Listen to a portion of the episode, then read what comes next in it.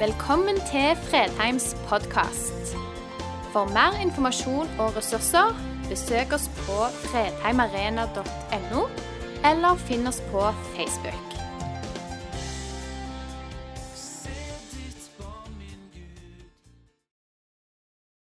Nå har vi vært sammen i ti uker, og vi har dvelt med store spørsmål. Vi har snakket om hvem Jesus er. Eh, hvor troverdig er dette budskapet om Jesus? Vi har snakket om bønn, vi har snakket om Bibel, vi har snakket om store spørsmål knytta til det kristne livet. Men egentlig så er det jo veldig mange små spørsmål i livet, mange små valg. Eh, de fleste av dagene våre så velger vi ganske små ting. Jeg lurer på hvor mange av dere som vurderte hva dere skulle ha på dere før gudstjenesten i dag. Er det noen som tok på seg noe, og så bytta de det ut etter å ha vært i speilet? Det var et, ja, En ærlig sjel bak der. ja. Men altså, vi, vi gjør mange valg. Eh, og noen ganger ombestemmer vi oss, og det har ikke så mye å si. For valgene er ikke så viktige. De er ikke så avgjørende. Ja, ja, for noen kan det òg være avgjørende. Så jeg har brukt mye tid i dag, for jeg har to outfit i dag. Sant? Et dåps og et sånn ledigere nå. Det, det, tok fæl tid å velge hva jeg skulle gå kledd med i dag på gudstjenesten. Det er fantastisk å kunne komme i kirken og få vite at vi har svar på det meste. Det er noen som har søvnproblemer.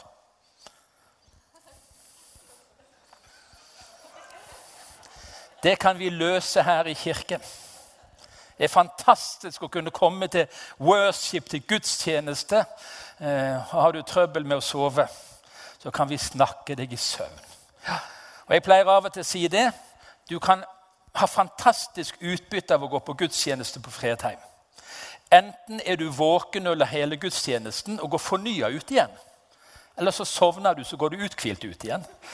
ikke det fantastisk?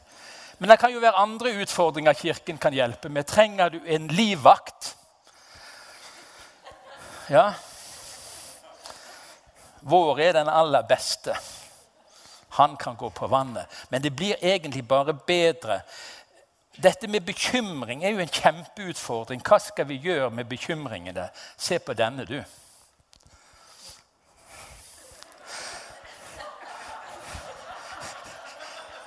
Den er nesten litt drøy. Jeg lurte på om jeg kunne ta den med. Noen kunne kanskje misforstå. Eh, men Kirken kan virkelig hjelpe. Jesus kan hjelpe.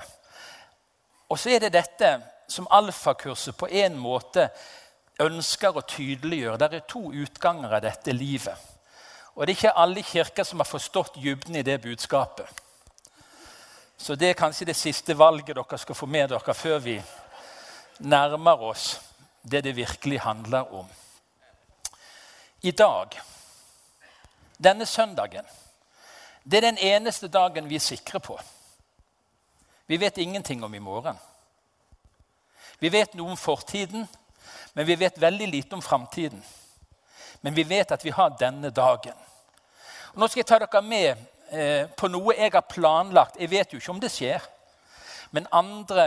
august da har jeg tenkt meg til Gålå for å se Gålå spille.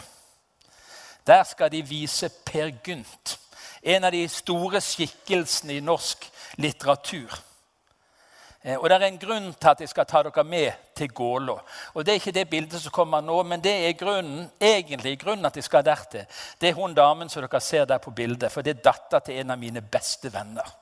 Hun spiller Solveig i Gålåspillet. Tenk det, det er en stor rolle. Så nå skal vi til Gålå for å se henne spille og synge Solveig for titusenvis av mennesker. Men jeg har kikka litt på Per Gynt, på innholdet i dette stykket. Og med all litteratur så kan det tolkes på forskjellige måter. Men noe av det som kjennetegner Per Gynt, det er dette at han stadig fikk høre 'gå utenom' gå utenom. Han hadde kanskje satt en retning, men bøygen var der og, og frista han til å velge noe annet. Gå utenom. Og gjennom hele livet sitt så valgte Per Gynt feil.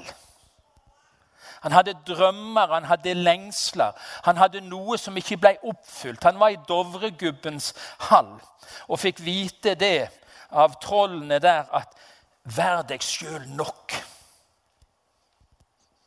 Og så levde han. Han, et, han, ville egentlig ikke bli som de, men i praksis så ble han som de gjennom store deler, mesteparten av livet sitt. Gå utenom. Vær deg sjøl nok. Han valgte feil. Og mot slutten av stykket så er det et sånt øyeblikk. Jeg fikk tårene jeg leste Per Gynt. Kan du tenke deg? Jeg begynner å bli gammel. Men det var en scene i slutten av Per Gynt. Da er han kommet tilbake igjen. Til den lille plassen der han vokste opp, som han forlot i protest. Og så har han følt at han har forspilt hele livet sitt. Og så møter han Solveig.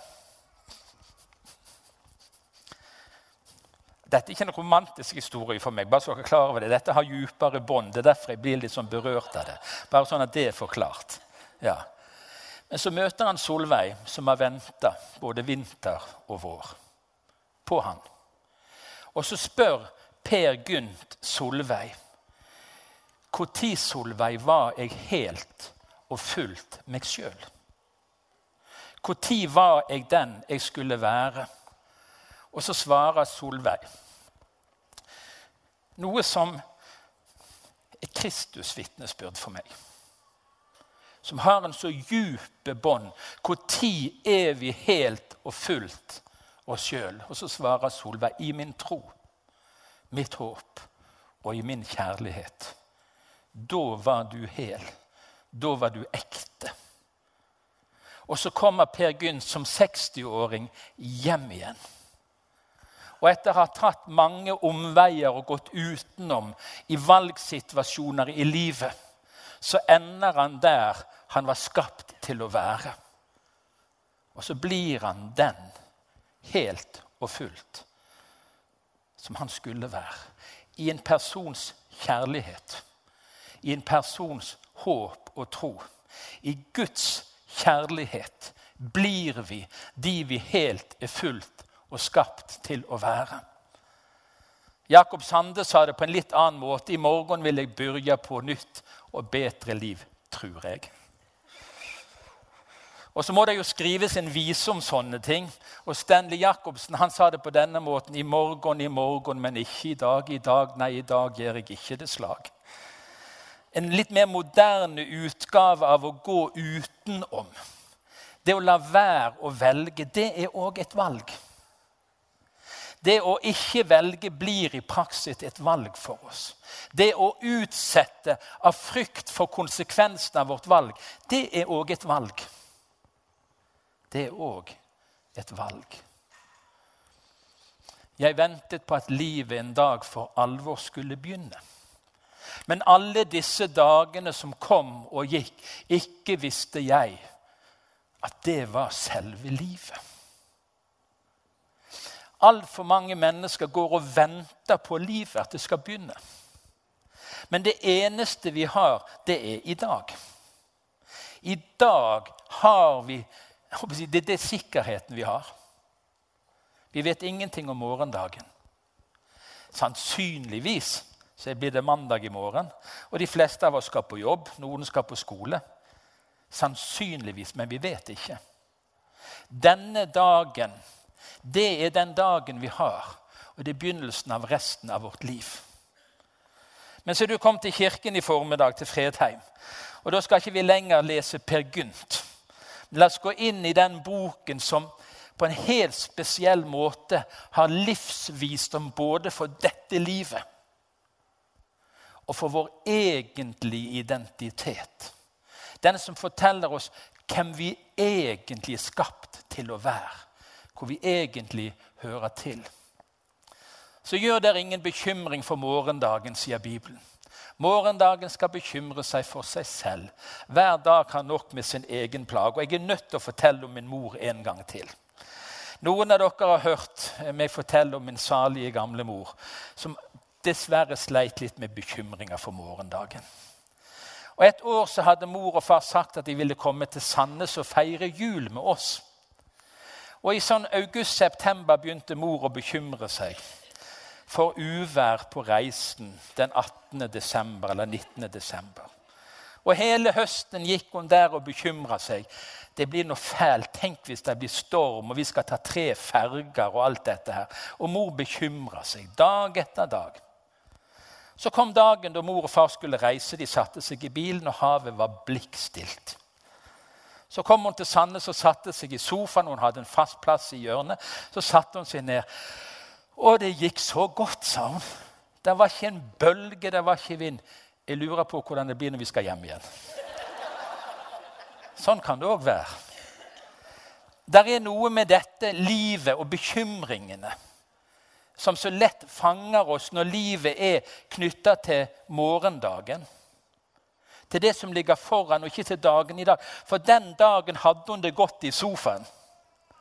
Det var stilt, og det var fred. Men hva når vi skal reise hjem igjen? Bibelen sier oss noe om dette. Står dette i Bibelen, nå skal dere slippe å rekke opp hånden. Gårsdagen er forbi. Morgendagen har ingen sett, men i dag hjelper Herren. Det står ikke i Bibelen. Det burde kanskje ha stått der. Det er bibelsk. Det er omtrent sånn som han nyfrelse som ble bedt å holde et vitnesbyrd for første gang i menigheten. Han reiste seg opp og sa jeg er blitt så mint å dele et ord med dere. sa han, For han hadde hørt at det var sånn de vitna i den menigheten. de ble mint om. Og Jeg ble så mint om å dele et ord med dere. Du skal få en dag i morgen, sa han. Jeg vet ikke om det står i Det gamle eller Det nye testamentet. Det var Paulus som sa det, i alle fall.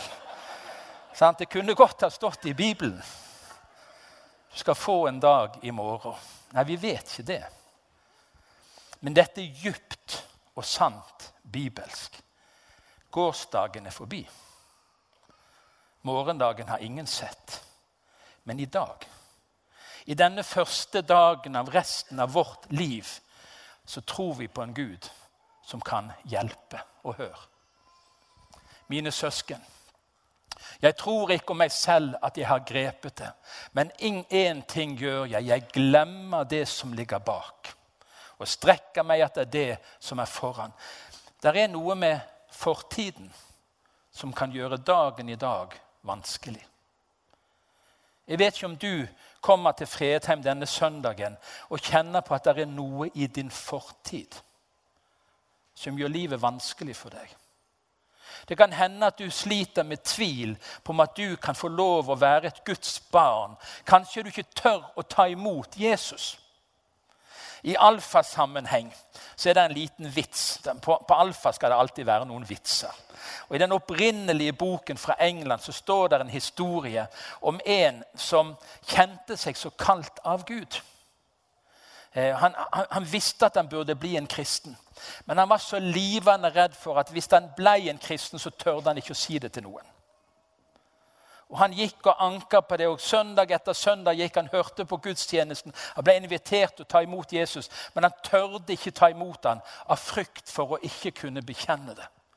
Til slutt så tok han mot til seg, og så gikk han fram til en prest og spurte og sa du, jeg skulle så gjerne blitt en kristen, men jeg tør ikke. For hva skjer? Jeg er redd for at jeg ikke tør å bekjenne det til noen hvis jeg blir kristen. sa han. Så ser presten på han med et lussmil og sier han, vet du hva? Ta imot Jesus, du. Du trenger ikke si det til noen. Bare ta imot Jesus, du. Og han i vill begeistring han tok imot Jesus på flekken. Og Så gikk han hjem og kom inn døren. Vet dere hva, vet dere hva, sa han.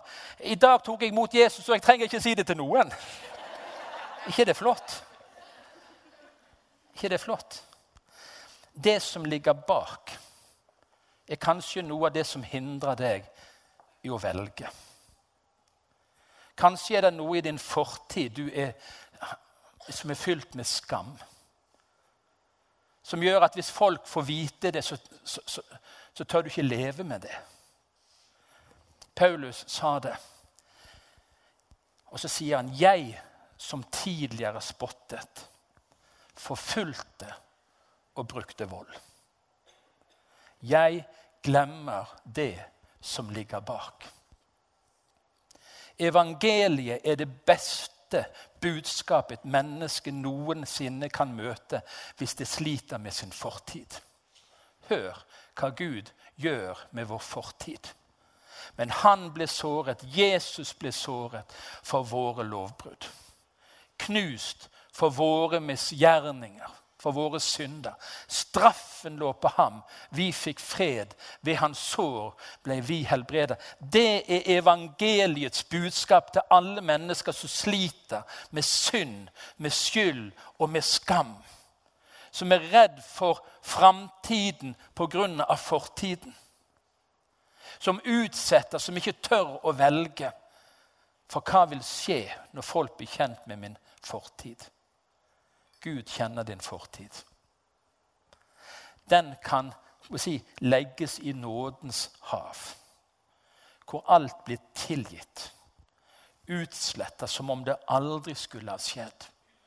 Påskens budskap, som vi har fått lov å dvele ved nå for noen dager siden, forkynner at du kan legge fortiden din på Jesus. Du kan la alt det du har tenkt og gjort og sagt som ikke var bra, du kan gi det til han. Han bar det for deg. Og ved hans død og hans oppstandelse så kan vi motta helbredelse. Det som ligger bak. Det som ligger foran. For jeg vet hvilke tanker jeg har med dere, sier Herren. Fredstanker og ikke ulykkestanker. Jeg vil gi dere framtid og håp. Kan vi strekke oss ut etter det som ligger foran? Ja, vi kan det. For vi kjenner en som både har vært og gjort noe med vår fortid, og som kjenner vår framtid. Han er den eneste som kjenner vår framtid. For han har vært der òg. Han er uavhengig av tid og rom og sted. Han beveger seg fritt fra evighet til evighet. En forunderlig Gud, og han kjenner din framtid. Og det Gud tenker, og det Gud vil med resten av ditt liv Det som begynner i dag, det han vil være for deg resten av ditt liv, det han vil gi deg og gjøre, det han vil gi oss framtid og håp. Vi har et godt budskap. Vi har det beste budskapet. Vi tror på en som kan gripe inn i vår hverdag, uansett hvordan den måtte være. Han kan gjøre noe med vår fortid og kan gi oss håp for vår framtid. Alle disse dagene som kom og gikk. Ikke visste jeg at det var sjølve livet. Sånn er det. Det er det som er livet. Og i dag begynner resten av ditt liv. Moses, han som hadde ledet israelsfolket ut av slaveriet i Egypt. Han avslutta sin tjeneste før han fikk lov å komme inn i det landet Gud hadde lovt. Han fikk lov å komme opp på en fjellhøyde og se inn i det. Men der pusta han ut. Da var han ferdig. Og Så overtar hans medarbeider Josva og fører israelsfolket inn i landet. Og Nå står Josva på slutten av sin tjeneste. og Så har han et folk foran seg.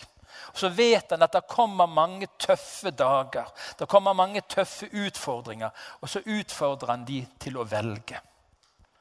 I Josva kapittel 24 så stiller Josva seg fram foran hele menigheten. De kalte Israelsfolket for menigheten, sånn som jeg står foran menigheten her nå. Og så sier han, ikke akkurat med disse ordene, men i dag sier han, så er det tid å velge. Nå er det på tide å velge. Så velg i dag hvem dere vil tjene. Og så fortsatte han i verset etterpå sier han, 'Jeg og mitt hus, vi vil tjene Herren.' Så ble han et forbilde på det å velge. Så utfordrer han folket, sånn som jeg vil utfordre menigheten på Fredheim denne søndagen i april. Denne dagen er den første dagen i resten av ditt liv. I dag kan du bli kvitt din skyldbelagte fortid. Du kan gi det til Jesus. I dag kan du få legge av bekymringene for morgendagen og ta imot hans tilsagn om at han vil gi deg framtid og håp. Så velg i dag hvem du vil tjene. Gå ikke utenom. Som Bøygen sa til Per Gå utenom. Nei, ikke gjør det. Det tok Per Gynt for mange år å komme hjem. Ikke vent. I dag er Gud å finne, står der i Bibelen. I dag er Gud nær. Skal vi be sammen.